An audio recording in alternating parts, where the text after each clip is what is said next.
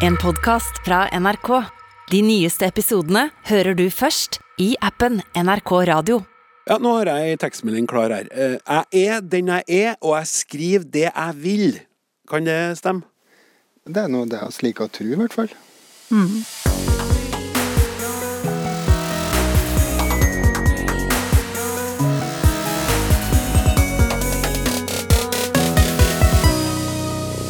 Du trodde kanskje at det å bruke dialekt i tekstmeldinger og på sosiale medier betyr at man bare kan dure i vei, men nei da.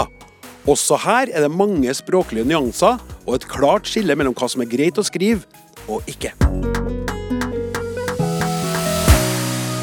I tillegg til kunsten å navigere språket i en SMS, skal vi se nærmere på språket i Nav, som i disse dager gjennomgår en skikkelig rundvask, eller skal vi si klargjøring. Lytterspørsmål blir det, som alltid, mens komiker og spaltist Dag Sørås er gjest i Ut med språket. Du hører selvfølgelig på Språksnakk. For ei stund siden, midt i en smittetopp, mottok jeg denne meldinga fra en av familiens yngre medlemmer. Vi har det fint. Håper jeg kan komme meg tilbake på jobb snart. Er veldig kjedelig, men vi koser oss og står på med både jobb og skole. Håper dere har det fint også. Uh, Dette var eksempel på en melding skrevet på dialekter, så jeg håper dere eh, skjønte det. Eh, og i en undersøkelse fra 2016 så viser det seg at over halvparten av dem som er under 30 år, bruker dialekt i tekstmeldinger og eh, på sosiale medier. Og mange av oss som er litt over 30 gjør det òg. Vi skriver som vi snakker. Eller nei, ikke helt som vi snakker. For sjøl her søker vi faktisk etter normer og regler vi kan holde oss, holde oss fast i, eller bli møtt med normer og regler som vi må forholde oss til. Og Stian Horstad, språkforsker ved NTNU, velkommen tilbake til Språksnakk, forresten. Mange takk. Du er med i et forskningsprosjekt som heter Multilektale skrivepraksiser i utdanning, som blant annet eh, handler om hvordan man eh, bruker dialekt i digitale medier. Eh, eller digitale meldinger. Hva er det folk gjør når de skriver på dialekt, sammenlignet med når man skriver eh, normert norsk? Nei, Det er så mangt. Først må jeg få si at det her er altså en tekstmengde som er kjempestor. Det er viktig å ha klart for seg, og for oss eh, språkforskere som skal prøve å, hoppe ut i det store havet av tekst. Så Derfor så er det så mangt. Det er liksom det, det korte svaret. Em, og bare i, den tida Språknag pågår, bare tenk på hvor mye som blir skrevet, hvor mange meldinger som blir sendt, hvor mye tekst som eh, blir produsert. Og det er det som er det mest eh, fascinerende, at det er et enormt hav av tekst. Og dermed òg kjempemye forskjellige valg da, som de her skriverne tar. Og det er det som vi skal prøve å få litt mer eh, grep om, sjøl om vi ikke kan innbille oss å få full oversikt. Men vi ser altså at folk velger forskjellige strategier, som en kan si går på et, et spekter fra det villeste anarki, der vi ikke kan finne noe system, til noe som har en del ganske klare kjøreregler etter hvert.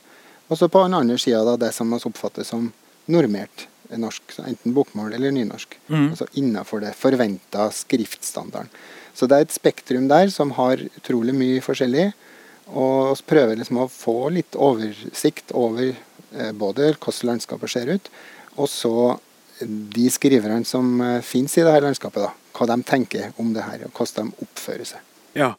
Eh, Unn Rønneland, du er språkforsker ved ved Universitetet i Oslo, og du leder det her prosjektet som Stian er knytta til nå. Eh, og hva må til for at man kan si at noen skriver på dialekt? Ja, det kan nok variere ganske mye. Altså det kan være, Hvis du ser på den tekstmeldinga som du leste opp, så eh, var jo der veldig mange dialekttrekk. Eh, sant? Ja. Der var det eh, aller først 'vi har det fint'. Det, det er jo greit, der er det ingenting. Men så kommer det 'æ' og 'mæ' og 'tilbake' og 'veldig', og så er det masse nedover. Ja.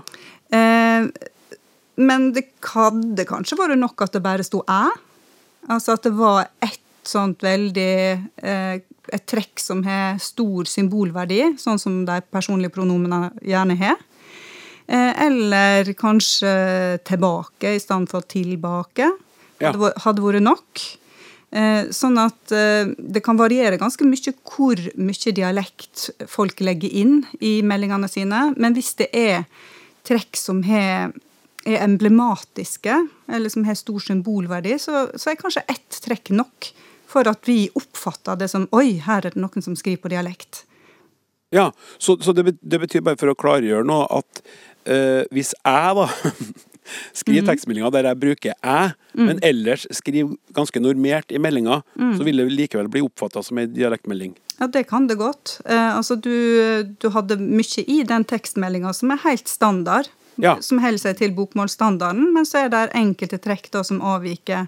Og så når du leste den, så hadde jo du eh, palatala, og du hadde tjukke l-er, men det er ikke markert i denne tekstmeldinga her. Nei, det stemmer. Det er Sant? ikke markert. Men det, det, er mer det pronomena, det er bortfall av r, og så er det et interessant trekk her, apokope. Jeg kan komme med. Ja. Eh, men eh, Jeg kan komme meg tilbake på jobb snart, ja. Ja, ja men eh, i Trøndelag så har en jo tradisjonelt der eh, komma Sant? Eller komma. Eller komma, i, ja. kanskje i, i, Trondheim, da. Ja, men vi, jeg, altså, jeg er mer på kom, komme. Ja, men det er en, nettopp det at det som er interessant, fordi det viser ei, ei, også en talespråklig endring. Ja. Sant? Ja. Sånn, det er jo koblinger mellom det som folk skriver, og det er en slags sånn eh, snakkeskriving, ikke sant? Ja. Eh, sånn at det kan jo fortelle oss dialektforskerne også noe om eh, hva som er i bruk muntlig. Så det, det her er fest av en melding for språkforskere? Rett og slett, ja, rett og slett eh, en fest, ja. ja mm, Stian? Ja, det er jo et poeng når nå sitter oss på radio og bruker jo bare muntlighet da, til å, å, diskutere der, så det skulle ha fått vist fram hvordan den her ser ut i skrift. Ja. For det fikk vi ikke vist når du leste opp den her nå, så uttaler du f.eks. ikke g-en i veldig. Den står der. Det ja. står en veldig g. Og det står vel òg 'ligg', et ord etterpå. Kjedelig, ja. Kjedelig. Riktig. Det er sant. De er med der, og de tar jo bare opp plass, kan du si. Men de følger jo en logikk ifra både bokmål og for så vidt nynorsk, altså skriftnormer. Den G-en, den står der. Det er mange, mange i Norge i sine talemål som ikke uttaler den lyden, men den blir jo med. Sånn at du kan ikke si at dette er et, en fullstendig gjengivelse av sånn som denne personen snakker. Så det er ikke sånn, det er jo ikke lydskrift. Nei. Og det er ganske interessant hvordan du, du driver da og balanserer og, og, har inn en del markører som gjør at det her, eh, det her blir denne personens sin stemme. For det, her er, det høres sånn når du leser opp det her, at det høres voldsomt eh, ja, menneskelig trøndersk ut. Det er en stemme som, som kommer gjennom skrift, for det er en, en skriftbasert tekst. Ja, så sier du ja, det er helt riktig, veldig og kjedelig, står det, men så står det også men vi koser oss, koser oss og med å, da. Mm. Står på med. Og der, der er bare jeg med. Mm. Der er D-en ikke med. Der er, ikke der er det en økonomisering. Og det er jo ryktet som sånn, eh, mm. sånn, skriving har, at ja, du kutter bort, du økonomiserer, effektiviserer. Men det er litt sånn blanda, det òg. fordi at det er ikke fullstendig effektivisert. På, helt på slutten her så står det 'dokker' i en mm. sånn forkorta form. Ja, den er doker. doker. Og det er en sånn uh, sammen uh, ja, effektivisering. Men du kunne òg si at det skulle ha stått en Å, da, hvis du skal bli mer altså tegnet Å. Nå står det en O, altså sirkel, altså det, det tegnet O. Ja. Så du kan si at det er ikke fullstendig samsvar. Dette er en fullstendig lydgjengivelse. Det er en, en slags En person som er på vei mot en fullstendig ja, lydgjengivelse? Ja, men jeg tror det er sånn det, er sånn det foregår. Du, du tar noen sånne valg sånn at det blir eh, personlig nok det blir en dialektstemme som kommer gjennom, men det er jo skrift. Ja. Og det er jo et viktig poeng, altså. At en kan ikke sette noe likhetstegn mellom disse to her. Nei. Så, og, og der, er, der, er, jo andre ting. Her er eh, en del verb i presens som bare er eh, ikke har r-en med seg, sånn som håpe og mm. e og kose. Mm. Sant? Ja, nettopp. Der det var mye Det, vet du, det der syns jeg er interessant, for at, uh, jeg leste den jo opp og, og ser en melding fra noen jeg kjenner godt, da, mm. og, og, og, så er det så mye for dere i det. Men sjøl om altså Her er det jo åpenbart en person som skriver tilnærma som en snakker. Så er det jo ikke alt som er innafor, da. Eh, hvis man ser på det store materialet, det her, hvis man kikker ut i her havet og samler litt større andeler språkfisker. Så det ikke alt som er greit, Stian. Nei, det har vist seg òg at selv om en da i prinsippet står jo fritt til å skrive som en vil, det, det liker en å tro at eh, det har jeg jo lov til. Det er jo en privat melding, skriv som jeg vil. Men det viser seg jo når en har prøvd å, å, se på sånne samtaler, hvordan de utvikler seg, så, så ser en ganske fort at det kommer reaksjoner hvis du ikke oppfører det som forventa. Sjøl om du da skriver på noe som er ganske dialektnært. Og det er flere som har sett på noe trondhjemmere, trøndere, som eh, samhandler da, skriftlig, og så blir det et tema hvor liksom du skal ligge Du skal skrive så det vises at det er trondhjemmer eller trønder. Så det er en personlig stemme som skal komme gjennom skrifta, men du har noen sånne grenser for hvor, du, hvor mye som skal henge på. sånn at det, En eh, masterstudent som jeg veileder, hun skrev om Eh, det var vel fire jenter som ha en sånn gruppesett, og der var det f.eks. ikke helt innafor å skrive det som er et, trekk som mange, både trøndere og nordlendinger, har. Senking av vokalen E til Æ. Fem og hest i stedet for fem og hest. Skulle den æ-en skrives sånn? Alle i den gruppa sa det. De sa fem, og de sa hest. Men de skrev da med e. Fem og ja, hest. Fem Ja. og hest, hvis du skal tenke lyden. For den endringa der, å trekke inn det vokaltegnet æ, det ja, det var på grensa. Da har du gått for langt i din ja, Jeg vet ikke hvordan de tenker, for de her er jo ja, tenåringer som bare skrev i all hast. Men det viste seg at de har sine eh, Det fantes en grense. Absolutt. Ja, og så var en annen interessant ting med eh, eh, det. Altså DET. Ja, Det også har litt med denne økonomiseringa og hvor mye du kan tillate å kutte bort. da, For det er jo en fare for at du effektiviserer så mye at du mister mottakeren, at han ikke skjønner hva du skal prøve å si. Sånn at da eh, DET, det lille ordet som er ganske nyttig, det, det forekommer ofte som DET, selv om det ja, vet ikke om det finnes nordmenn som uttaler det sånn. Det er det jo knapt nok som sier. Men det forstå, fordi at det er såpass stor fare for å blande det med diverse pronomen som det, de Det er andre Det er farer for misforståelse. Og det mistenker også vel er grunnen til at det får lov til å stå i større grad enn en skulle tro. For det, det er jo et ord som står laglig til for hogg, da. i Ja, og du kan vel kanskje bruke eh, da heller da det Du kan bare alene, da. bruke tegnet bare et, Ja, en enkel bokstaven D. Ja. Ja. Mhm. Eller DE òg, da, hvis du kan gjengi den faktiske lyden. Men da er du nettopp i faresonen for uh, kommunikasjons... Ja, de som misforstår det. Yes. Eh, Unn, eh, du, du gjorde jo nylig en stor undersøkelse om dialektskriving i meldinga sammen med Øystein Mangsnes, som også har vært gjest i Språksnakk her tidligere. Kan du fortelle litt om den undersøkelsen? Ja, da, eh, det var en digital undersøkelse der vi hadde til slutt 1532 ungdommer. Oi. Ja. Mange fra hele landet, fra 42 skoler i 36 kommuner. Eh, Så vi eh, ville prøve der å få ei oversikt over regional variasjon i dialektskriving. Og da hadde vi en del av dette digitale spørreskjemaet som, som var altså der de rapporterte om bruken sin. Og så hadde vi en del der vi ba dem om å skrive hvordan ville du ha sant? Skrive en tekstmelding til en venn om at dere skal på kino. Eh, skrive en melding til læreren din om at du eh, er sjuk. Eh, skrive et blogginnlegg osv. Så, videre. så det var jo ikke helt autentiske eh, materialet dette, men altså hvordan ville du ha skrevet hvis du skulle? ikke sant? Ja. Eh, på den måten så fikk vi jo samla inn veldig, veldig mye, og vi driver fortsatt og, eh, og behandler det materialet. Men eh, i korte trekk da, så finner vi eh, store regionale forskjeller. Ja. Eh, og Trøndelag er jo helt på topp altså her eh, når det gjelder dialektskriving. Iallfall så mener de det sjøl.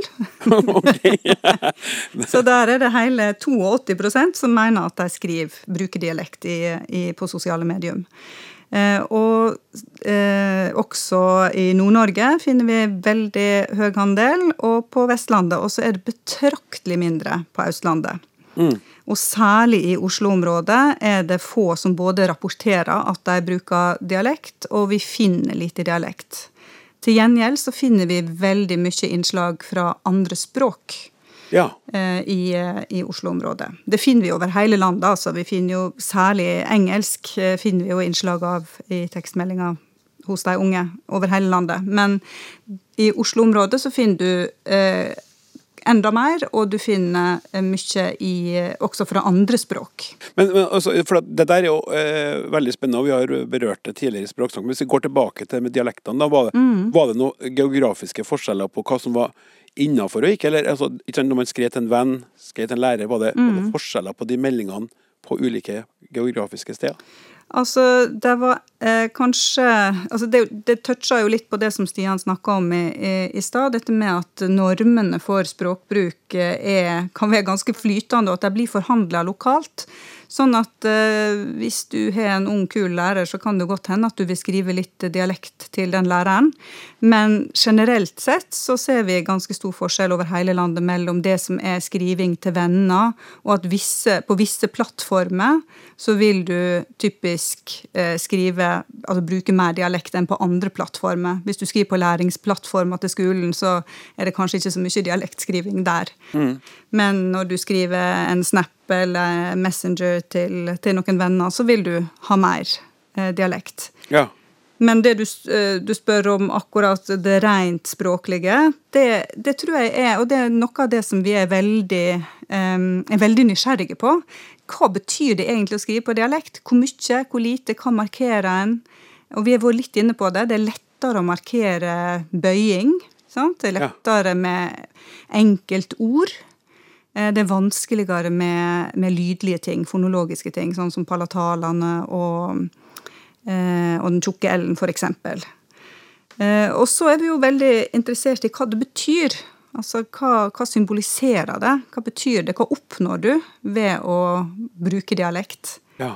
Eh, og så er det dette med normene, hvordan de blir forhandla. For det også ser vi at det er det pågår slike forhandlinger, sånn som altså i denne vennegjengen som Stian snakka om så har de etablert sant, at nei, æ, det er for drøyt, det skal ikke vi ha. Eh, vi ser i den tekstmeldinga som, som, du viste fra mm. familien din, så står det veldig med æ. Mm. Så der er det tydeligvis ikke slik at den er for drøy. Nei, nei det var ikke noe irettesettelse fra, fra meg der, nei, sant? hvis det stemmer. Så um, ja. Ja, men, ja det, der, det, det, er jo utrolig spennende, og det er så mye dere kan hente ut av det her materialet. Men, men hvem er det Stian, som bestemmer de her uskrevne reglene for dialektskriving? da? Hvem er som Nei, Det er jo litt av et mysterium av og til. Å, finne ut hva det er som styrer språkutviklingas gang. Det har også leta etter i lang tid. Men, og det er heller ikke så forutsigbart. Men det er jo en slags sånn eh, gruppedynamikk, og det viser jo at mennesket er et sosialt vesen som er ganske observant uh, overfor omgivelsene sine, altså de, de personene en samhandler med. Og da er det jo noe sånn Eh, dynamikk som oppstår med en som er en slags ledertype, eller en som har en sånn definisjonsmakt da, i, en, i, et fellesskap. Mm. Og Det er ikke sikkert at det er så lett å observere akkurat hvordan den gjennomslagskrafta slår til, men det, det, er et forsøk som oss har, eller en måte å, å, prøve å overvåke sånne ting, er nettopp å se sånne gruppedynamikker i form av en samtale som varer over tid. For da er det en del tendenser i hvert fall til at det, det, går seg opp noen sånne løyper. Det er en del kjøreregler som blir etablert. Ikke nødvendigvis at de blir sagt helt tydelig, men det er noe som blir innafor, og noe mm. som blir utafor uh, over tid. Og det som hun sier også, er det ganske lokalt. Det kan handle bare om ei gruppe, et fellesskap, et fellesskap men innafor et talemålsområde så vil jo folk ha en ganske felles oppfatning av at sånn skrives eh, trondhjemmer, f.eks. Eller som mm. skrives. Og da vil du jo eh, ha noe, et felles utgangspunkt, og så lander en da kanskje etter hvert hva det er som aksepteres og ikke. Og så er det jo ja, interessant å se på hvilke typer da, som eh, stikker seg fram som mer og mindre språkpoliti eller normførere. Og, ja. og, der er det ganske ja, Det er ikke bestandig så lett å skjønne hva det er for noe slags kjemi som skjer. Nei, det, det, det, er jo én ting. Også det andre det er jo hva, hva, det er som skjer når språkbrukere begynner å kommentere mm. skrivemåten i meldingene de får fra hverandre på chatter eller sosiale medier. Mm. Hva ja. utløser det? Altså når, når, de begynner å kommentere på hverandre. Det kan jo være ei form for eh, Altså være en del av den normdanningsprosessen, da. At nei, ikke skriv sånn, men sånn. Altså Den rett og slett kan kommentere direkte på formene som blir brukt, og måten eh, en skriver det på. Eh, eller i det hele tatt at æsj, skriver du på dialekt? Det er teit. Eller yay, stilig at du skriver på dialekt. Men eh, jeg kan jo også legge til at altså, dette med dialektskriving er jo på ingen måte nytt.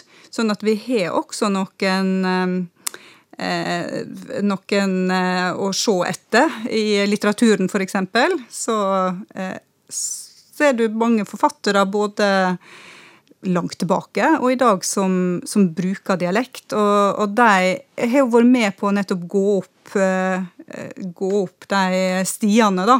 Mm. For hvordan er det vi kan, kan forme dialekten i skrift. Og, og folk har brukt det i privatskriving, på ja, postkort, på lapper til seg sjøl, handlelister. Mm. Sånn at helt ferske er ikke disse her som setter i gang og skriver på, på, sosiale medier. De har nok sett en del dialektskriving før òg. Takk til språkforsker ved NTNU, Stian Horstad, og språkforsker ved Universitetet i Oslo, Unn Rønneland. Stian, du må bli sittende, for på slutten av sendinga skal du svare på lytterspørsmål. Jeg blir her. Språksnakk med Klaus Sonstad. Vi har fått inn noen hyggelige meldinger her som jeg har lyst til å, å lese opp. Hei! Det ble etterlyst kjennskap til ordet prette i diskusjonen om å pranke. Kom da på at det var et vanlig ord i min oppvekst i Stryn på 60-70-tallet. Farmor fra Nordland sa at vi ikke måtte gjøre prette eller gjøre ei prette. Dette betydde å gjøre ugagn, eller som vi i dag ville sagt, en rampestrek. Eller en prank. Takk for påminninga, skal ta ordet i bruk igjen. Med vennlig hilsen Randi Kirkeide Åndalsnes. Innmari artig at dere skriver til oss og deler opplevelser dere har eh, knytta til språksnakk. Har du noe på hjertet? Er det noe med språket du undres over, frustreres av eller er skikkelig glad i? Skriv til snakk.krøllalfa.nrk.no. Nå er det klart for ukas gjest i Ut med språket. Han er en svært frittalende fyr som er kjent for å være brutalt ærlig, enten han debrifer med lytterne i sin egen podkast, eller serverer sylskarpe observasjoner fra standup-scenen. Komiker og skribent Dag Sørås, velkommen til oss. Hallais. Jeg har hatt litt uh, dødsangst i det siste. Eh, ja, det er vel en sånn vedvarende greie for min del, egentlig. Jeg, jeg tenkte mer på den her uh, siste episoden av uh, podkasten din Debrif med Ja, jo, det er jo uh, Dag Sørås, ennå. Ja, det er fortsatt uavklart, men jeg har jo fortid som hypokonder, og jeg lurer på om det om det kommer en sånn sakte, men sikkert tilbake. Og så er det jo bare et, et par helger med turné og mye reising og ja, liberalt inntak med alkohol, så, så blir psyken såpass kaktkjørt at jeg blir litt sånn usikker på egen allmenntilstand. Men, eh, men det ordner seg. Det pleier å gjøre det. Ja, men det var ganske artig. Altså, episoden, episoden heter jo for øvrig Flankesmerte. Ja. Eh, og, og, og, du sier at eh, du sier at du tenker da når du kjenner på de smertene, og så sier du sånn og ja, F-ord, jeg kommer til å dø, og da blir jeg ukonsentrert. ja, det, det, er jo, det, er jo, noe med, med, med dødssang som gjør at du får problemer med å fokusere på det som er rett foran deg. Samtidig så kan det sikkert konsentrere sinnet i, i, det lange løp, men, men per nå så er jeg litt eh, fragmentert. Ja, Uh, denne eh, podkasten, det, det, var episode 191. Der sitter du stort sett og snakker sjøl deg eh, til lyttere? Ja, det var, det var, bare vanskelig de første par gangene jeg gjorde det. Og så innså jeg at clouet er å bare forestille seg at det er noen andre i rommet som du prøver å Om ikke underholde, så i hvert fall hold våken. Mm. Uh, så, så, så, tar man det derifra. Etter hvert så blir det et slags, uh, slags muskelminne på akkurat det der å sitte og prate for seg sjøl også. Ja. Eh, du er komiker. Vært det i mange år. Mm. Uh, reiser rundt i Norge og holder show og har uh, en rekke forestillinger og skal komme litt tilbake til. Men hva vil du si skiller deg fra andre norske komikere? Uh, nei, det er vel først og fremst tematikken, kanskje. Mm. Uh, jeg har ikke noe jeg har, jeg har, ingen karakter på scenen. Jeg er virkelig bare, på godt og vondt, en, kanskje en litt mer påståelig og, og ytterliggående utgave av meg sjøl. Men, eh, men, men, det er vel først og fremst det at jeg snakker om jeg er kanskje litt mørkere ting, eh, og når jeg er personlig, så er det vel eh, ja, relativt ufiltrert. Og det gjør jo at jeg ja, jeg har vel egentlig skilt meg ut fra starten av, men det har jo stort sett bare jobba til min fordel. Jeg mener, jeg har ikke fått noe særlig med firmajobber ut av det, men jeg har jo klart å, å, å finne min, min, egen lille ja, mitt, mitt, eget lille publikum. Så nå kaller jeg meg uh, Hva var jeg fant på? Jo, uh, folkelig nisjekomiker. tror jeg er det, det begrepet som, som, passer meg best nå. Ja, men Det er smart, eh, for at det har vist seg at folk flest er jo bare på 2,3% Ja, der ser du. det, det, er fint. Ja, altså, det, det, det, ble, eh, det ble skrevet om deg for litt siden i forbindelse med en anmeldelse av Vrangforestilling, som er den nyeste forestillinga di, eller det nyeste showet ditt. Stemmer det. Jeg driver fortsatt og turnerer det. Ja. Eh, så, stå, så, ble det skrevet da Man kan si mye rart om Dag Sørås, og man kan samtidig ha full forståelse for folk som ikke tåler trynet på fyren. Han eier vel stort sett ikke hemninger, og i alle, i alle fall ikke begrensninger i hva som kan serveres fra en scene. Men han kommer utrolig nok alltid ned på beina for å si det på nordnorsk, så er han en smart jævel. ja, det, det, var jo åpenbart at det var en anmeldelse fra Nord-Norge. jeg, jeg ble nesten fornærma først med at du ikke skulle tåle trynet på meg, for jeg, jeg, tror jeg er relativt likende, men jeg har jo samtidig full forståelse for at det jeg driver med, ikke er for alle. Og, og det har jeg jo vært innforstått med egentlig fra dag én. Men er det fordi at du våger og vil være drøy på en del ting? Du går litt lenger ja, ut på. Altså, ordet drøy er jo Jeg vil nesten Ja, hva er drøyt? Ja, hva er drøyt? Eh, noe som jeg sjøl ville synes var inter altså, interessant, er jo et utrolig kjedelig ord. Interessant høres ut som et dekkord for ikke morsomt. Men jeg mener bare eh, Jeg prater om de tingene som, som fascinerer meg litt mer, og, og da, da, blir det jo ofte ting som, som mange folk ikke forbinder med humor i det hele tatt. Men jeg, det er jo ingenting som er så for jeg, har snart holdt på i 20 år med det her, og det er jo litt av clouet å, å, holde meg sjøl underholdt. Og da gjelder det jo å utfordre um, seg sjøl i forstand av la, la, meg finne et eller annet som, som, alle bare ser på som tragisk, og hvis vi klarer å finne et eller annet å flire ut av i, i det, så, så, er det jo en, en, liten seier over livets harde realiteter. Og det, og det kan jo være alt fra eh, et terrorangrep i den store, vide verden til noe, noe, et eller annet kjipt som har skjedd på det personlige plan. Ja, eller, eh, eller det kan handle om eh, valg og stemmerett. Eh, vi skal straks høre et klipp fra Det mener jeg er fra Demokrati, som var det forrige showet ditt.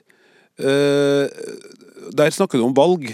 Ja. og stemmerett. Mm. Det som jeg syns er interessant med klippet, det er ganske langt, men vi har lyst til å spille i hele. For det handler mye om det her med å bygge opp et poeng og jobbe med en tekst, og så presentere hele Altså, vi hører da veien fra du begynner å sette opp, til du avslutter med punchen, tenkte jeg kunne si litt etterpå om hvordan du jobber. Ja. Skal vi bare høre på det? Ja, right. Ja. Castro var jo diktator. Jeg liker ikke det. Jeg liker ikke diktatur. Men jeg er ikke sikker på om jeg er så stor fan av demokratiet heller. Jeg har virkelig revurdert det, den allmenn stemmerett. Jeg har ikke tenkt på det engang. Allmenn stemmerett. Hvorfor faen skal alle stemme? Alle skal stemme. Hva er slags voksenversjon av medalje til alle? Noen har tenkt på det? Jeg mener, Politikk er jo problemløsning. Har du noen gang hatt et problem og tenkt jeg lurer på hva alle syns om det her? Alle! Er du sikker på at ingen burde ekskluderes? Hva med de som sier 'velkommen inn' når Jehovas vitner ringer på? Er du sikker på at ingen burde ekskluderes? Nei, alle burde stemme. Bare de er over 18 år og norsk statsborger. Alle sammen. Det fins folk som den dag i dag går på svindelmailer fra Nigeria, de stemmer med all verdens jævla selvtillit. Ja, det er min borgerplikt å stemme. Har de borgerplikt? Har du borgerplikt å sette deg inn i politikk før du stemmer? Nei, nei. Min borgerplikt er å ta et dårlig informert valg hvert fjerde år. Ja, sånn er det. Det er våre sivilisasjon er bygd på. Jeg tror, jeg tror, ikke du kan overvurdere hvor mye du burde undervurdere den gjennomsnittlige velger. Ok, Jeg er overbevist om at det sitter folk på valgdagen og tenker jeg vet da faen hva jeg skal stemme, men jeg er jo venstrehendt. Så kanskje universet prøver å fortelle meg noe. På den andre sida er jo rødt favorittfargen min. Hm, nå er jeg dypt forvirra. Fremskritt høres jo bra ut. Jeg begynner å bli litt tynn i håret. Kanskje Senterpartiet. Og jeg skjønner jeg høres ut som en kynisk jævel. Men hvis dere tror jeg er for kynisk, spør dere sjøl om det her. Hvorfor står Arbeiderpartiet og deler ut roser når det er valgkamp? Det er fordi det funker. Noen får ei rose og tenker oh, de syns jeg er spesiell. Jeg vet hvor min stemme går. Det er samme grunn som at Fremskrittspartiet står og steiker pølse så de stapper inn i trynet på folk. Noen får ei pølse i trynet og tenker de kan gjøre meg mett. Hva annet kan de klare? Tenk over implikasjonene her. Tenk over hva det betyr at voksne mennesker er så lett å lede. Hvis alt som skal til for å få deg til å stemme på venstresida, er ei rose, og alt som skal til for å få deg til å stemme på høyresida, er ei pølse, da er du faen meg bare en bukett unna kommunist og en flintsteik unna nazist. Jeg tror din borgerplikt er å holde deg hjemme. Absolutt. Er der vi ligger. Ja. Ja. Ja. Det, det er jo som alltid en lidelse å, å høre på seg sjøl, men jeg merker at jeg, jeg glemmer jo altså Når jeg er ferdig med et show, så glemmer jeg av materialet mitt. Så det var litt, litt interessant for meg å høre, for det var et par ganger jeg tenkte Jeg lurer på hvor jeg er på vei med det her. ok. Jeg syns at eh, ja, ja, kanskje underveis, men den har en skikkelig punch der, og, og det er en veldig klar oppbygning. Mm. eh, og, det, og, du, og du setter opp veldig tydelig, og det har jeg jo forstått. Eh, sett mye på standup, og, og det er viktig at det kommer, punchen kommer på riktig plass. Men det, her føler jeg også at det her har du skrevet. Ja, det der er jo Det her har du jobba med. det der er jo et resultat av mye prøving og, og feiling. Mm. Uh, og jeg, det, det er klart, Sånne ting kommer ikke frem i en tekst, men jeg leste til og med et par bøker som, som uh, på en, på en uh, fornuftig og rasjonell måte prøvde å argumentere mot demokrati. Blant annet ei som heter Against Democracy, som, som, eh, som, som påvirka meg ganske, ganske mye. Men ikke sant, første gangen jeg går på scenen, så har du bare en vag idé om at jeg tror jeg er mot allmenn stemmerett, og så prøver du et eller annet, og så kanskje du bygger på det neste gang, og til slutt så er det liksom Når det kommer til det punktet hvor jeg filmer showet, så er det forhåpentligvis der det skal være. Og jeg, og jeg kan servere det som et, som et, et resonnement som gir mening. Men gjør du alt eh, på scenen? Eh, eh, Skriver du ikke noen ting først? Nei, jeg skriver stikkord, og, så, og så tar jeg opp lyden av alle showene. Um, og, og så hører jeg igjen de, de gangene jeg prøver noe nytt, så hører jeg gjennom det. Uh, og, så, uh, og så er det ofte det der Prøv det en gang, og så la det ligge litt, og så hører jeg på det når jeg går en tur eller et eller annet. Prøv å la det gå så lang tid at det som jeg, så jeg har fått litt distanse til det jeg sa. Og så kan det plutselig være å høre det med, med friske ører. Eh, kanskje litt som om, som om jeg hører det på samme måte som publikum hører det for første gang. For å se om det her henger sammen og gir mening. For ofte så kan det jo være sånn at eh, jo, men i mitt hode så, så, så er jo A til B helt åpenbart, men det er ikke nødvendigvis sånn, sånn for alle. Nei. Det kan være jeg som har tatt noen mentale kort, eh, snarveier. Um, så, så det har nå på et eller annet vis blitt, eh, blitt arbeidsprosessen min. Men det gjelder egentlig bare å få, å få prøvd det uh, ja, igjen og igjen til du til slutt uh, får en slags struktur på det. Men, men stikkord er det som skal til. Ja. Så da, når jeg, når jeg opplevde det som om, som om det hadde vært noe skrevet som du hadde liksom fått, å si, så har du bare øvd inn og øvd inn og fått timinga og alt på plass, sånn at Ja, det bygger seg opp til, til, til den her punchlinen, da. det, det, en av de, de tingene som er, som er de spørsmålene jeg ofte får fra folk, er sånn hvordan klarer du å huske alt det her når du står og prater i en halv time? Men det er rett og slett bare på et eller annet, jeg, jeg tror det ligger underbevisst. Et, når, når- når det sitter, så vet jeg automatisk hvor jeg er på vei. uh, uten at jeg må tenke så veldig mye på det. Og det er jo faktisk når jeg begynner å tenke at ting kan gå galt. Uh, I hvert fall når, når det er en sånn her vits som er veldig, veldig strukturert. Um, jeg, jeg vet hvor jeg vil, og jeg har to minutter på meg. Um, da, da, da, da flyter det egentlig eh, av seg sjøl. Men så dukker det opp nye ting underveis. Jeg hadde jo den vitsen, og så, og så satt jeg og, og prata med en kompis om at jeg akkurat hadde fått ei rose utdelt av eh, Arbeiderpartiet, og så nevnte han ja, det er jo akkurat som Fremskrittspartiet når de står og griller. Og plutselig, jeg, jeg kan huske det veldig klart, at det var liksom det som gjorde at ah, nå gir denne vitsen mening. Ja. Så, um, så det, det er sånne små, små byggesteiner underveis. Uh, Du er fra Narvik. Ja. Hva har det gjort med deg? Uh, vel, jeg, i, i den grad jeg er fornøyd med livet mitt, så, så, må, så må jeg vel uh, gi en viss uh, honnør til Narvik. Det, det gjorde jo at jeg Ja, nei det, det er vanskelig å si, altså. Jeg, jeg har jo ikke så veldig Altså, jeg hadde en upåklagelig barndom og et veldig eh, et, eh, et, et, et upåklagelig eh, Ja, en, upåklagelig oppvekst på alle måter. Men når jeg ble ungdom, så føltes Narvik som en, en liten og eh, trøkkende plass, veldig konform. Eh, jeg kan huske at jeg hadde en følelse av at jeg skilte meg ut. Jeg kan huske at jeg hadde en følelse av bare musikken jeg likte, ideene jeg hadde, ting som interesserte meg, var ikke noe som falt generelt i, i god smak. Så jeg tipper jo det jeg endte opp med å gjøre på scenen, hvis man skal virkelig være freudiansk, så er det jo en slags sånn eh, Hei, jeg tror faktisk de tankene mine har en verdi, selv om det ikke virker sånn der og da. Um, så, så, men, men det er vel typisk for alle som vokser opp på, på små plasser. Men, eh, men uh, jeg har ikke noe sånn uh, Ja, mora mi har slutta å spørre om jeg noen gang blir å flytte tilbake, for å si det sånn. Ja, men, men, men, du, nå bor du i Oslo. Ja. Ja, men, men hvordan Hvilket forhold har du til hjemstedet ditt i dag, da? Sånn, sånn ellers? Du kommer ikke til å flytte dit, men Nei, er, det- er det et avklart forhold? Ja da, nå føler jeg at det, at det er veldig avklart. Eh, og så har jeg jo fått selvfølgelig Humoren min er jo prega av å Prega først og fremst av mora mi.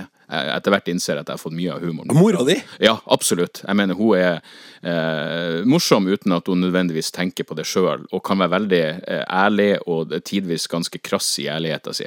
Um, så, så, det kombinert med Hun er eh, ja, på godt norsk sier hun en sånn no, no bullshit-person. Ja. Og, og det kombinert med med der. Fordi det, Jeg prater om det på scenen, men det, det, er jo ingen tvil om at jeg slipper unna med mer enn når man prater om det å være drøy, fordi jeg har denne dialekten. Mm. Folk har jeg vet ikke om de har lave de har, de har forventninger som er annerledes enn hvis jeg kom opp med noe sånn Frogner-aksent. Mm. Så, så, så, så, jeg, jeg vet i hvert fall i starten så slapp jeg unna med mer på grunn av, på grunn av, av dialekten min. Så, så jeg er jo fortsatt eh, Stolt blir jo feil ord, for jeg hadde jo ikke så mye med saken å gjøre, men, men glad og fornøyd med å være nordlending. Ja. Det, det, er jeg absolutt. Ja, det er bra. Eh, når var det du begynte med, med den standup-greia? Altså, likte du deg i rampelyset da, da du var liten? Ja, nei, på ingen måte. Altså, jeg var ikke Jeg tror nok de aller, aller fleste som vokste opp med meg, utenom kanskje en, en, en liten håndfull som kjente meg godt, er nok eh, veldig overraska over at det her ble karrieren min. Oh, ja. eh, og til og med med mange i familien min. Til og med onkelen min husker jeg sa det her var det siste han trodde jeg skulle ende opp med å gjøre. For jeg har nok vært eh, aldri vært noe sånn ut Aldri vært sånn Jeg tror aldri jeg har vært veldig oppmerksomhetssyk. Eh, men jeg husker jeg har faktisk ei sånn eh, når du, når du, fikk på slutten av skoleåret på barneskolen, så skrev lærerne akkurat et lite essay om hver elev. Mm. Det var styrka, og da sto det at jeg ofte hadde en god kommentar. Jeg, jeg pleide ikke å si så mye, men jeg hadde ofte en god kommentar. Um, og det tror jeg var et resultat av at jeg var veldig komfortabel med den læreren. Og så er det et eller annet med det var, det var, kanskje det, det var, Selv som barn skjønte jeg verdien av respons, så jeg hadde en lærer som liksom likte hva enn jeg sa, hvis jeg driver og kødder med et eller annet. Mm. Og da får du jo blod på tann. Det gjorde også at jeg innså at jeg trenger ikke å bry meg om hva de andre elevene syns. Hvis læreren syns det, så har hun på mange måter vetorett for hva som er akseptabelt og morsomt. Ja. Så, så, det kan jo godt hende at, at det var de små, små, frøene. Men så var det en, en helt kon konkret greie da jeg var, eh, da var jeg vel runda 20, jeg var begynt å studere på eh, på eh, NTNU i, Trondheim. og Da fikk vi sånn, eh, vi fikk en oppgave hvor vi skulle gå to og to sammen, velge et kontroversielt tema, og så skulle den ene argumentere for, og den andre argumentere mot. Eh, og vi fikk, jeg og ei klassevenninne fikk pornografi. Så jeg skulle da argumentere hvorfor for-linja, selvfølgelig. Pro porno. Uh, og da husker jeg at jeg, jeg, fikk en del latter, og det var nok det mest sånn For da var jeg jo allerede interessert i standup, hadde sett Eddie Murphy og likte Bill Hicks og alt det her. Mm. Uh, men da sto jeg liksom foran folk, sa noe som ja, ikke nødvendigvis var ment å være morsomt, men som ble det likevel, uh, og det var nok den spede begynnelsen. Så, så, for det virker jo som du trives veldig godt på scenen når du gjør standupen din. Da virker du trygg og ja, bekvem, men er du da kanskje ikke det i andre sammenhenger når du skal snakke?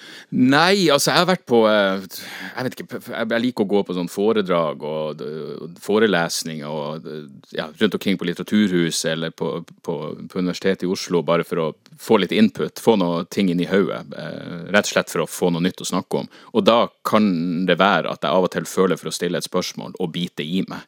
Eh, fordi da syns jeg det er ukomfortabelt å, å, å ta ordet. Fordi jeg har jo ingen, har ingen kontroll i den situasjonen. På scenen så er det liksom Ja, det her er min hjemmebane.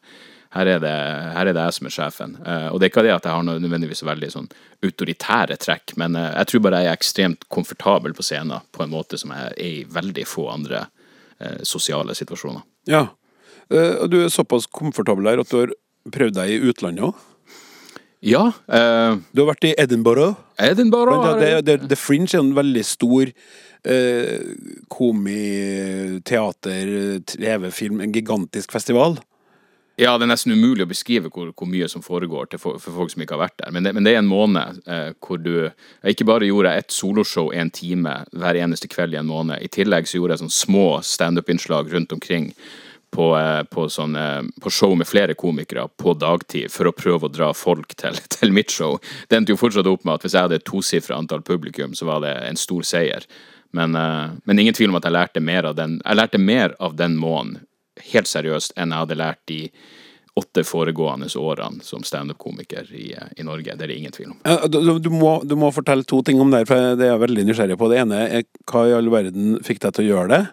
Og hva var, de største, hva var, den største forskjellen på å gjøre det på norsk ikke sant? og det å dra dit, og, oversette humoren sin til engelsk. Men begynn med hva som fikk deg til å tenke. Da er du i utgangspunktet ikke sånn superbekvem, men du tenker du har kontrollen på scenen, ikke sant? Du liker deg der. Men du drar dit, til et nådeløst sted. Ja, nei, det, altså jeg hadde en jeg har, eller jeg har fortsatt en, en, god venn av meg, en svensk komiker som heter Magnus Betnér. Han var eh, Vi ble kjent eh, i 2007, og han var liksom nådd det punktet hvor han følte han hadde gjort alt han kunne gjøre i Sverige. Vi er vel relativt like eh, humormessig, men han hadde liksom nådd et sånn Dagfinn Lyngbø-nivå hvor det var ingen større komiker i Sverige. Så han hadde lyst til å prøve seg i utlandet rett og slett for å utfordre seg sjøl litt. Og så var han sånn, men begynner bare med. Så jeg dro vel med han til London. og ja, vi var, vi var, litt rundt omkring i Storbritannia og bare gjorde som klubbshow. Etter hvert så fikk han seg en manager i England som også fungerte som min manager. Og fordelen med han fyren, han Mick het han, han er død nå, men han, han var helt, helt, totalt sinnssyk og, og skamløs og løy ustoppelig for å få oss inn enkelte plasser. Så vi, Han fikk oss jobba på sånn Comedy Store i London. Vi, vi, vi, hadde ingen business med å egentlig få stå der, men han fant på et eller annet bullshit om at ja, nei, jeg var en stor, jeg gjorde bare store arenaer i Norge, og nå dem burde være bære over at jeg hadde lyst til å stå på Comedy Store. Så det var, det var Magnus der og han Mick som, som, som, som hjalp meg. Og så, eh, og så, tenkte jeg bare ja, men jeg tror jeg har god kontroll, og jeg skal vel klare å gjøre en time. Og, eh, og det gikk jo fint. Og, og, jeg har jo studert engelsk, så det her var liksom en unnskyldning for å forsvare det, det enorme studielånet mitt. Eh, så, så, språkmessig så var det ikke noe problem. Og det tok kanskje ja, det tok kanskje fem-seks dager, og så, og så var jeg like bekvem som som å gjøre det på norsk, i forstand at jeg kunne gå på scenen og bare prate om hva som, som hadde skjedd den dagen, som, som, som en slags intro. Um, den største forskjellen er jo selvfølgelig um, en, at du får masse anmeldelser. Altså det var jo Folk kom jo og skrev anmeldelser av showet. Eh, velskrevne anmeldelser. Faktisk så bra at når jeg ble slakta, så syns jeg fortsatt det var bra skrevet. Det endte nesten, det endte nesten opp Hvis jeg fikk en terningkast to, så syns jeg nesten de hadde vært for snill med meg. Og, og, eh, men, eh, og så fikk jeg noen hyggelige anmeldelser også, som var, som var veldig fint. For det er, jo, det er jo, folk som, liksom, som lever av å kun skrive om standup, så de har jo peiling på, på det de prater om. Og så, og så er det selvfølgelig at det er minimalt med publikum. Det var jo mange kvelder hvor det kanskje var fire-fem stykker der. Um, så um, Men er ikke det veldig vanskelig å stå foran fire-fem stykker i et uh, i et annet land og, og kjøre standup på engelsk når man egentlig snakker Altså, er det kleint man sier nå for tida? Det, det, det, er kleint hver gang det er en nordmann i salen. Da ja, er det kleint. Ja, da er det helt grusomt. Uh, ja. men, men, men, utenom det så er det sånn Nei, men altså, det her skal jeg vel klare å ja. eh, klare å takle. Så, så, akkurat det der tenkte jeg ikke så mye på, men, men, det det først og fremst gjorde, var jo at det fjerna virkelig all nervøsiteten min. Det, det var jo sånn det, det, var som å ha gått igjennom noe sånn eksponeringsterapi. For jeg husker at jeg, etter at jeg kom tilbake til Norge etter den måneden eh, For jeg gjorde en måned på Fringe, og så gjorde jeg en ei uke rett etterpå med en komiker som heter Doug Stanhope i London, på en sånn stort teater, hvor jeg liksom var supporten hans. Så, så jeg fikk kjørt meg skikkelig i en eh, ja, fem-seks uker. Mm. Og, og når jeg da kom tilbake til Norge, så, så, så var jeg ikke nervøs for show lenger. For det er sånn, ja ja, du kan si hva du vil. Jeg har stått og ledd foran tre stykker fra Wales hvor jeg sto i en time. Jeg tilbød dem det dobbelte av det de hadde betalt for å gå, så jeg bare kunne avslutte kvelden. Men de insisterte på at jeg skulle gjøre hele timen min.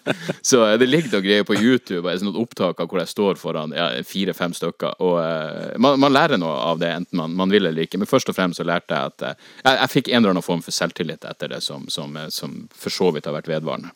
På engelsk eller norsk, hvor viktig er det for deg eh, å være velformulert? Eh, litt sånn ledende spørsmål, jeg opplever at det er veldig viktig for deg. Men er det, det noe du tenker på? Altså, ordene du bruker, så du har ikke skrevet ned noe mye, det er stikkord du starter med. Du jobber fram forestillingene ved å stå fram publikum. Men som jeg sa, igjen positivt ment, det virker litt Det virker skrevet, på en måte. Det, det er godt formulert. Det, det, er lite mm og nøling og, og ja. Gjenbruk av ord underveis. Bortsett fra en del banneord som du ja, men jeg tror jeg liker, gjerne drar med deg. Jeg liker den kombinasjonen av å være jeg, jeg, tror litt av det har med, med at en gang i tida, sånn rundt 2010, da jeg først begynte å få mitt eget publikum, så gjorde jeg et show som heter et TV-program som heter Showman på TV2. Og Det var nesten ingen som så på det, men det gikk så ofte i reprise at det samla seg liksom opp en viss seerskare i løpet av ei uke. Og fordi ingen så på det, så fikk jeg si nøyaktig hva jeg ville. Jeg kunne gjøre de verste vitsene, liksom ting som folk, eh, som folk ga meg stygge blikk for på små standup-scener. Det, det, kunne jeg gjøre på, på, TV. Så jeg fikk meg en sånn liten publikumsskare av det.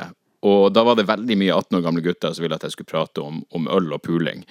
Og jeg husker jeg tenkte sånn Ja, ok, greit nok, men jeg er 30. Jeg vet ikke helt om Så jeg, jeg tenkte hvis jeg, hvis jeg bare kan være rølpete, men samtidig tidvis eh, Hva enn ordet er, velartikulert, så, så, så, er det en kombinasjon som jeg liker. Mm. Fordi det, det, er en, det, er en, veldig åpenbar kontrast i det.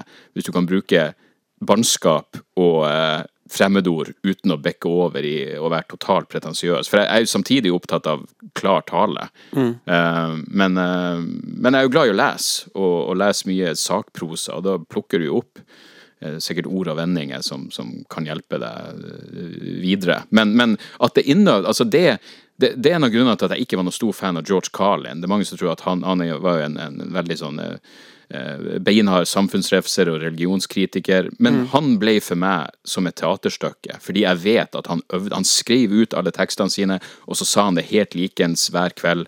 Men hvis du ser meg fra kveld til kveld, så er det ikke det, det er ikke sikkert den demokratiteksten ville kommet i samme rekkefølge.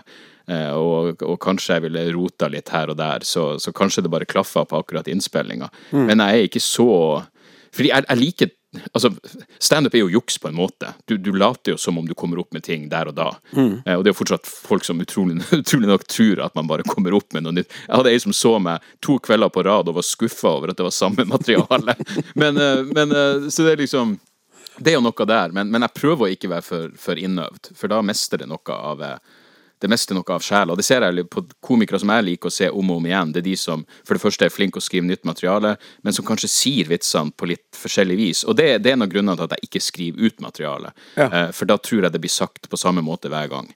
Uh, mens jeg liker å være litt løsere og litt, uh, ja, litt mer åpen for Jeg jeg vet A-punktet og jeg vet B-punktet, men hva som skjer imellom der, det må være åpent for, å, å si, for fortolkning og bytte litt om på. Sånn.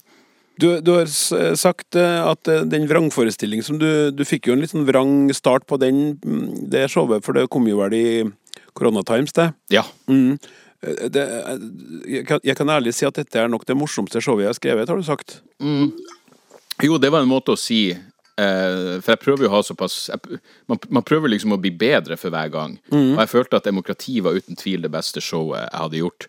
Eh, og så når jeg da, fordi alt ble så oppstykka med vrang... Jeg, jeg, jeg, følte liksom ikke at jeg hadde noe sånn helhetlig syn på hva jeg holdt på med. Så derfor sa jeg at, og det mener jeg fortsatt, det er det morsomste showet jeg har gjort. Eh, og så får vi se eh, når jeg er ferdig, hvordan det står seg i forhold til, til de andre showene. Men, men, jeg er veldig fornøyd med det, og jeg har en del ny tematikk. og, og, eh, jeg vet i hvert fall at folk som liker det jeg gjør, vil ikke være skuffa over det her showet. Men uh, det her var rett og slett bare en måte å si at uh, det, det, er i hvert fall morsomt, og, det er jo selvfølgelig det aller, aller viktigste. Samtidig så liker jeg jo å, å, å utfordre meg sjøl litt med, med, med, ja, med, ny tematikk, og det gjør jeg for så vidt i det her showet også. Jeg er bare åpen om at jeg må ha litt distanse på ting for å vite. Jeg mener, Alle tror det de holder på med, er det beste mens de holder på med det. Mm. Eller så må man i hvert fall si det av, av billettsalgshensyn. Men jeg prøvde liksom å være ærlig nok på at jeg vet i hvert fall at det er det morsomste showet jeg har gjort. Og så får vi se hvordan eh, tida behandler det i ettertid. Du, det virker jo som du liker å Altså, du liker jo selvfølgelig å få folk til å flire, fordi at det er jo det du lever av, men du liker, det virker som du liker også at, det, at latteren setter seg litt i halsen, at, det, at du plutselig er så drøy at folk ikke helt vet om de kan flire. Ja, altså jeg har, eh, jeg en greie i vrangforestilling som tematikken er virkelig ikke NRK-vennlig, men, men, der er det sånn at der er det helt stille i starten, og så får jeg dem forhåpentligvis med på slutten. Og det er, det er veldig viktig for meg å ha et, et, gjerne i hvert show et par sånne segment, fordi det, det er alltid en fare for at man går på autopilot, det er alltid en fare for at man blir blasert, men det å ha jeg, liker å kalle det en sånn potensielle fallgruve underveis. Det gjør at ting er spennende for meg. For da mm. jeg våkner litt hver gang jeg starter på den vitsen, for jeg vet at å, nå kan det bli litt motbør. og og kanskje det kan bli litt, litt hekling og, og, og, sånne ting. Og, eh, ja, hekling må du forklare, da. For ja, hekling er de få Altså, jeg opplever ikke det så mye, men av og til så kan folk uttrykke sin misnøye med å, med å rope ut et eller annet, eller begynne å argumentere imot det, eller si at det du prater om er forkastelig og burde ikke nevnes på en humorscene, mm. og, eh, og, alt det der. Og, det er jo noe som jeg er blitt komfortabel med med å takle. Selv om det ikke skjer så veldig ofte når du gjør et show på et kulturhus. Fordi folk har betalt 400 kroner for billetten, så vil de helst bare høre hva du har å si. Ja og har litt lavere terskel for at eh, Ronny med fire i promille skal begynne å komme med sine visdomsord. Men, eh, men, men, det er rett og slett bare mm, ja, nei, jeg, jeg syns jo det, det, det holder ting interessant for meg. Hvis jeg kun gjorde et show hvor jeg bare visste at her er det latter garantert på hver eneste punchline, så vil det Jeg tror jeg ville kjeda meg litt. Så, Ja. så det er rett og slett for å holde litt spennende for min egen del. Og så er det jo det med å være i det landskapet du er, ja, så er det der, eh, det at når man er drøy, og man er politisk, og man sier ting som går langt ut, så, så er det der med kan alt spøkes med. Og du har jo skrevet om det her i bok som handler om eh, terroren eh, 22. juli. Ja. Eh, der, har du, der blir det trukket fram et kapittel som du skriver, som eh, får ros for eh, hvor innsiktsfullt det eh, omhandler det å skulle fortelle vitser om, om terroren i tida etterpå. Mm. Eh, må du fortelle kort om Vi har ikke sånn kjempegod tid men det syns jeg er, det er spennende. Ja, nei, altså Jeg ble rett og slett spurt om jeg hadde lyst til å opptre for, for det, det her var det første gangen Det her var i 2015, så det var fire år etter terrorangrepene. Første gangen de overlevende fra Utøya skulle samles.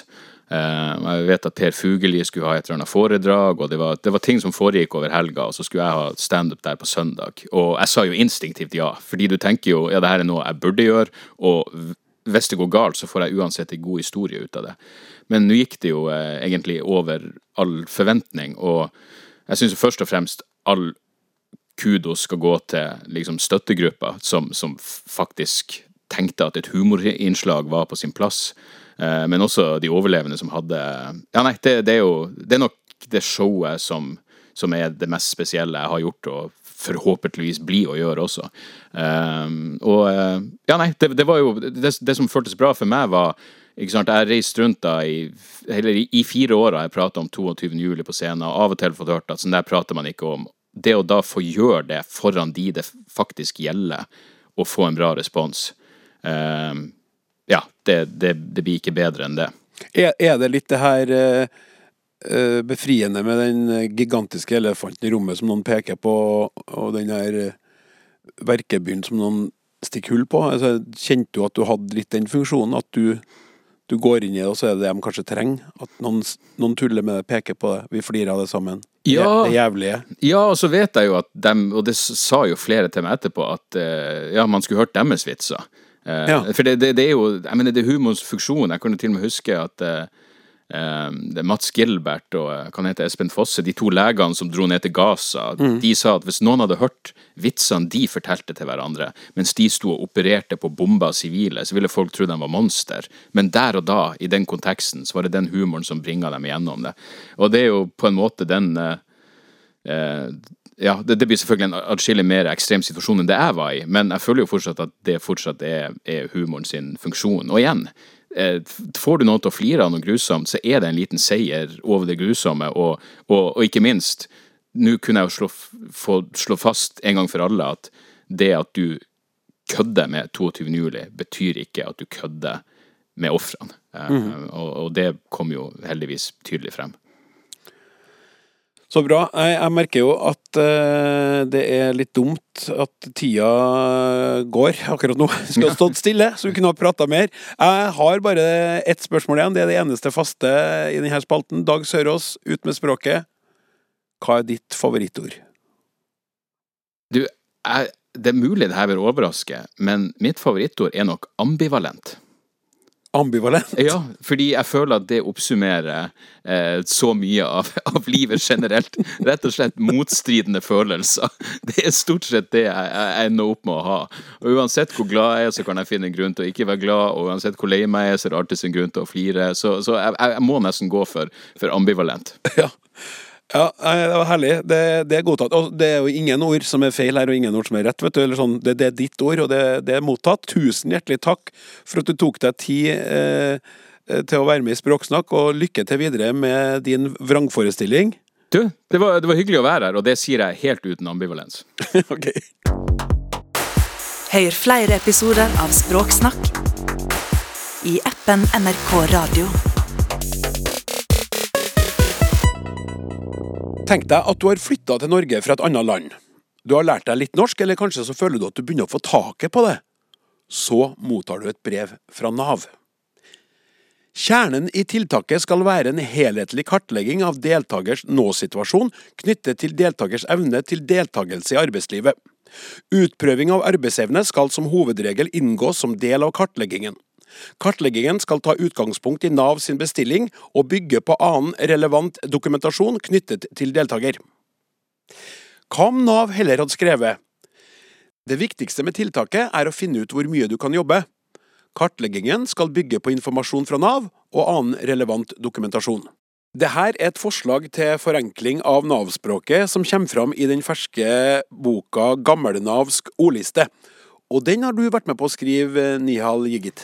Ja. Ja? Hva, hva syns du var vanskelig å forstå i det eksempelet på gammelnavsk som jeg leste opp eh, nå nettopp? Ja, det er ikke bare ord. Det er eh, lang set lange setninger i Navs vedtak, dessverre. Eh, men jeg eh, fokuserer eh, bare ett ord, for eksempel. Å ta utgangspunkt i hva det betyr. Jeg forstår ikke, fordi jeg fokuserer bare ordet utgang, utgangspunkt. Ja. Men det er forskjellige eh, uttrykk med ordet utgangspunkt. For eksempel, eh, vi ser å ta utgangspunkt i, men også det er for eksempel i utgangspunkt. Jeg eh, forstår, eh, men jeg forstår ikke hva det betyr. Det er helt forskjellige uttrykk. Ja. Det er et problem for meg, for eksempel. Ja, det, det, det forstår jeg godt. Eh, og Du skal få fortelle mer om hvordan du har jobba med språket i de her vedtaksbrevene fra Nav litt senere. Men først må vi si hei til Asle Stalleland, som er kommunikasjonsrådgiver i Nav Agder. Hei. Hva er historien bak gammelnavsk ordliste? Jo, når vi jobber med kommunikasjon i Nav, så er jo det viktigste hvordan vi klarer å, å snakke og skrive til, til de som trenger Nav. Og, og det eksempelet du viste deg er jo et av dessverre flere på at eh, dette, dette får vi ikke helt til. Og særlig fra eh, august i fjor, da, da Hans Christian Holte kom inn som ny Nav-leder og sa at klart språk og det å være forståelig for, eh, for de som trenger Nav, er noe av det viktigste vi skal satse på, så er det blitt gjort veldig mye. Og jeg tenker, skal vi få til å snakke bra til de som trenger oss, så må vi jo høre hva de selv sier. Eh, Og, og har jobbet litt med dette vi kaller brukermedvirkning. Og, og så, så har jeg klødd meg i huet hvordan får vi de med fremmedspråklig bakgrunn inn. Og så, så kommer det en sånn gave av en telefon fra Arendal voksenopplæring at vi har en veldig oppegående dame fra Tyrkia med, med høyere utdanning fra hjemlandet som kan tenke seg språkpraksis i Nav, og kan tenke seg å jobbe i Nav senere til og med. Og da var det selvfølgelig Nihal. Så, så hun begynte i språkpraksis hos oss, og jeg har plaget henne en dag hver uke det siste året med å gi henne vanskelige Nav-vedtak som hun skal merke av hva er vanskelig å forstå. Etter noen måneder så sa jeg nå kan du prøve å finne de 10-15 formuleringene som er vanskelig, som, som du finner oftest. Og da, da hørte jeg ikke fra Nihal på et par dager, men så sa hun du, jeg klarte ikke å finne 10-15, det ble 40. så, så, så da tenkte vi nå, nå setter vi sammen en, en gjeng fra Nihals gruppe med, med de som har høyere utdanning fra hjemlandet på Arendal voksenopplæring. Så har de jobbet sammen med oss i Nav Agder og en veldig flink integreringsrådgiver i Nav Arendal. Hatt språkverksteder der de har foreslått forenklinger på disse vanskelige formuleringene, og, og resultatet ble da denne førsteutgaven av Gammel-Nav skoliste, som vi virkelig ikke tror er sisteutgaven. Nei, nei, og det som jeg syns er så fantastisk, er at det er da vel veldig mye bedre språk også for eh, oss som har vokst opp med norsk, det her, enn det Altså den forenklinga, eller den her uh, nynavsken. Ja, ingen tvil. Altså, det er jo ikke bare for fremmedspråklig det vi skriver er, er vanskelig. Så- heldigvis så er det mye som eh, er eh, i ferd med å bli bedre nå. Men vi har en stor jobb å gjøre, som, som Nihal òg skal fortsette å være med på. Ja, eh, så bra, Nihal. Hvordan, hvordan jobba du da du skulle finne fram til ord og uttrykk som burde forenkles? Ja, eh, jeg var hjemmekontor av korona, og det var ingen hjelp. Jeg leser og leser og leser, men jeg forstår ikke hva det betyr. Eh, og jeg brukte forskjellige ordbøker å finne ord hva det betyr. Eh, særlig var det vanskelig å eh, finne eh, uttrykk eh, hva det betyr. Eh, og etterpå har jeg deltatt i språkverksted med Asle i Nav. Eh, ja, selvfølgelig var det eh, på digitalområdet, men eh, de hjalp mye eh, meg for hvordan jeg skulle forenkle. Eh, og eh, også der så jeg at eh, Nav stod på for å forenkle disse vedtakene. Eh, de fortjener ikke mye kritikk. Eh, jeg, jeg leser eh, noen eh, artikler i aviser, eh, men eh, de stod på. Stod på. Eh, og etterpå samarbeidet med eh, Nav Agder, Nav Arendal og Arendal voksenopplæring i en workshop. Vi hadde en liten gruppe. Eh, vennene mine var fra Pi- Filippinene, Syria, Ukraina og Tyrkia. Eh, vi leste og diskuterte hvordan eh, vi kan eh, forenkle. Ja, det er det. Ja. Eh, Har du eksempel på uttrykk som eh, du, opp- du syntes var vanskelig å forstå? da? Ja, for eksempel eh, i medhold av, eller i henhold til. ja, du forstår ikke med en gang, eh, særlig for innvandrere, men eh, de kan bruke etter eller ifølge. Ja. Eh, eller en annen eh, på bakgrunn av det faktum at ja. Det er bare fordi Eller eh, innen det tidspunktet. ja. Det er bare før. Eller de bruker eh, formelspråk, for eksempel med mindre. Men vi forstår med en gang hvis ikke, for eksempel. ja. Eller subsidiær ytelse. Åh, det er veldig vanskelig. Hva sa du? Subs... Subsidiær ytelse. Ja. Det er veldig vanskelig ord. Det er kort eh, ord, men vi kan bruke kanskje litt lengre eh, setning. For eksempel eh, alle andre muligheter til å få inntekt. Vi kan bruke dette. ja. Du verden, altså. Det her er, det her er, så, det er så bra. Det, det, er så bra. Asle, ja. det, altså, det, er- det sier jo seg sjøl nesten det du skal svare på nå, da, men, men du, må, du må si det. For at, hva er det Nihal tar med seg inn i det her arbeidet som, som dere ikke var i besittelse av før? Nå sa jeg besittelse av som dere ikke hadde fra før. Ja, vi- Nå klarspråker jeg meg Vi sjøl lot den forbigå i stillhet, siden vi snakker så hyggelig sammen her, men Eh, Nei, altså, som du sier, så så er det jo altså ganske mye hun tar med seg som, er viktig for oss. Altså, det er jo alltid viktig å få et blikk utenfra. Og, mm. og, og for meg må jeg si at det, det har jo utvida mine perspektiver på språk og forenkling en god del. Å sitte sammen med den gruppen der folk har forskjellig språkbakgrunn, og, og deres diskusjoner hvordan man best forenkler et uttrykk. Altså, det var litt morsomt, eh, for de hadde med lærerne sine på voksenopplæringen, for de fant ut at de måtte også forbedre ting, og, og de ble jo så imponert, og lærerne lærte forenkling av elevene sine. Eh, så, så de ja, de kommer med en del ting som er litt overraskende. Vi tar jo alt for gitt, vi som er vokst opp i Norge. Og, og det blikket utenfra der er helt eh, ja, ja det, det er så verdifullt for oss i Nav, og jeg tenker for andre deler av offentlig sektor som, som, som kommuniserer med, med vanlige mennesker. Ja, jeg, jeg, jeg, er veldig, jeg er veldig enig, og jeg, jeg må si at et, et eksempel fra den gammelnavske ordboka som jeg liker veldig godt, det viser hvor utrolig mye enklere man kan gjøre ting sjøl om utgangspunktet egentlig ikke er så ille. Det er jo mm. det her begrepet gjør, 'gjøre oppmerksom på'. Mm. og i, på gammelnavsk så, så står det da eh, du må søke bostøtte på nytt for ditt nye leieforhold. Vi gjør, vi gjør oppmerksom på at du må gi beskjed til Nav dersom din bostøtte endres.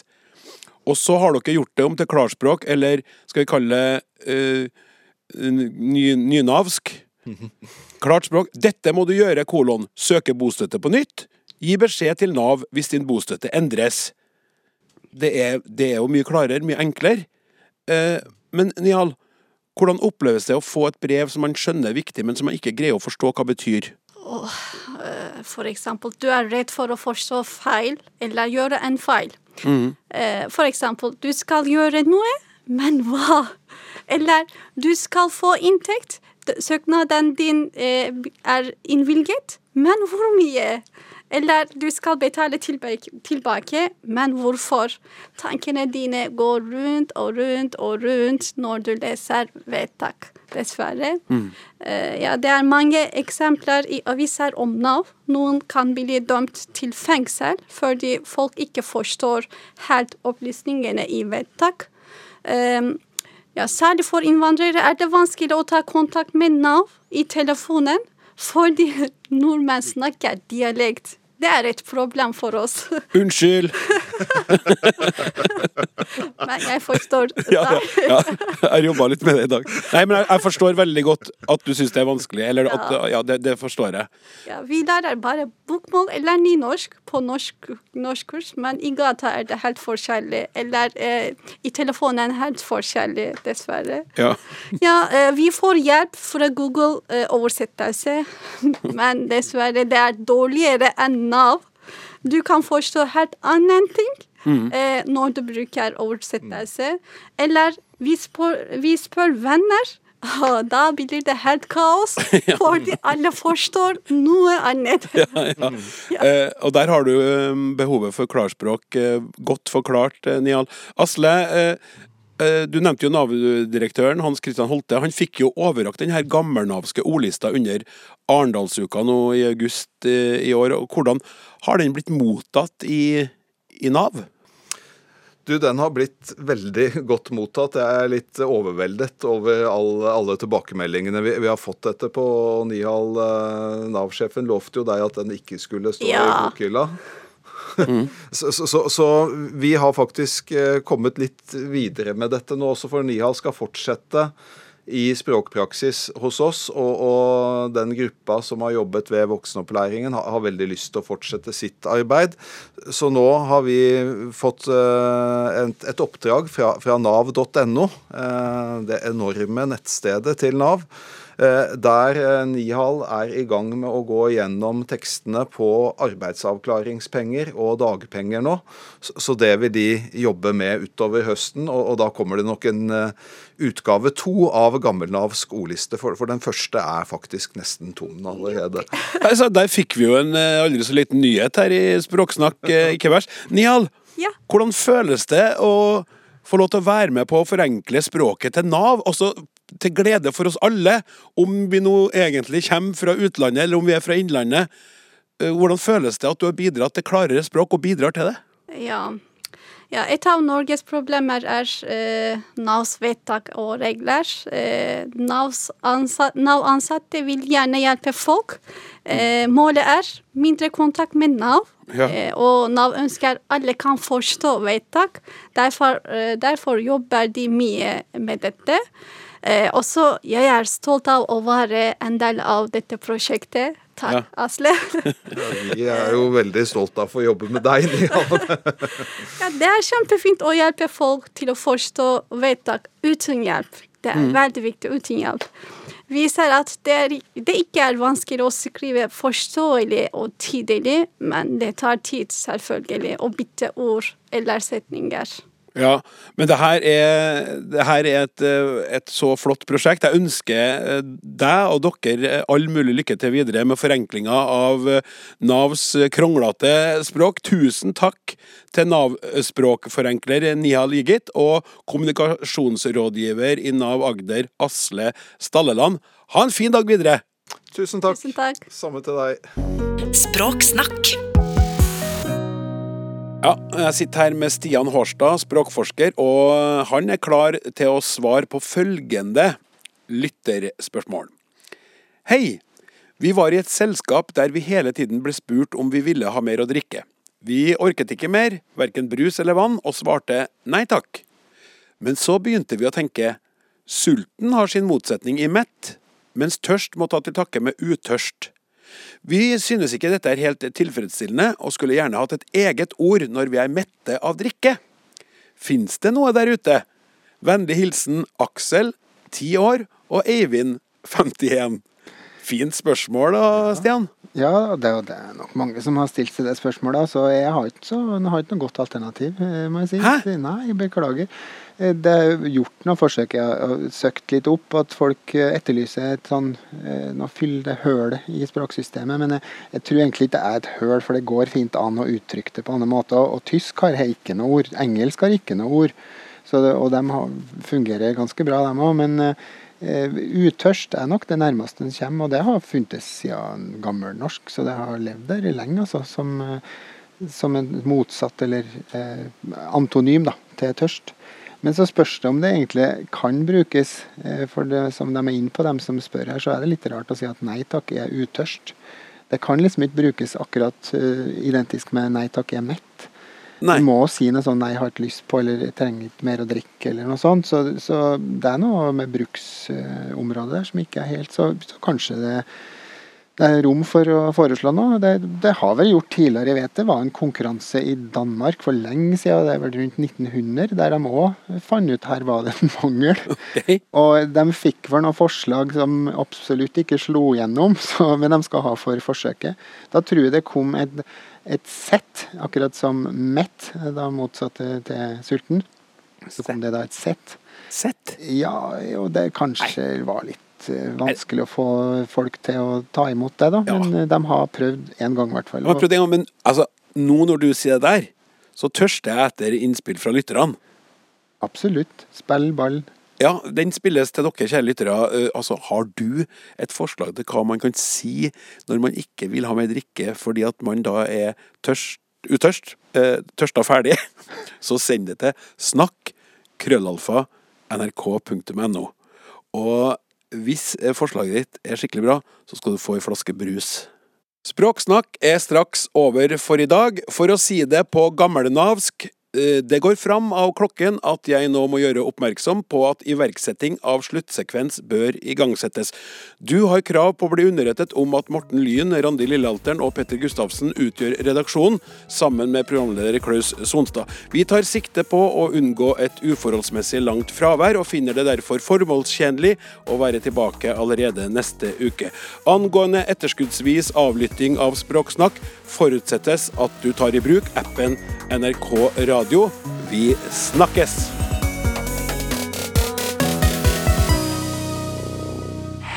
Du har hørt en podkast fra NRK.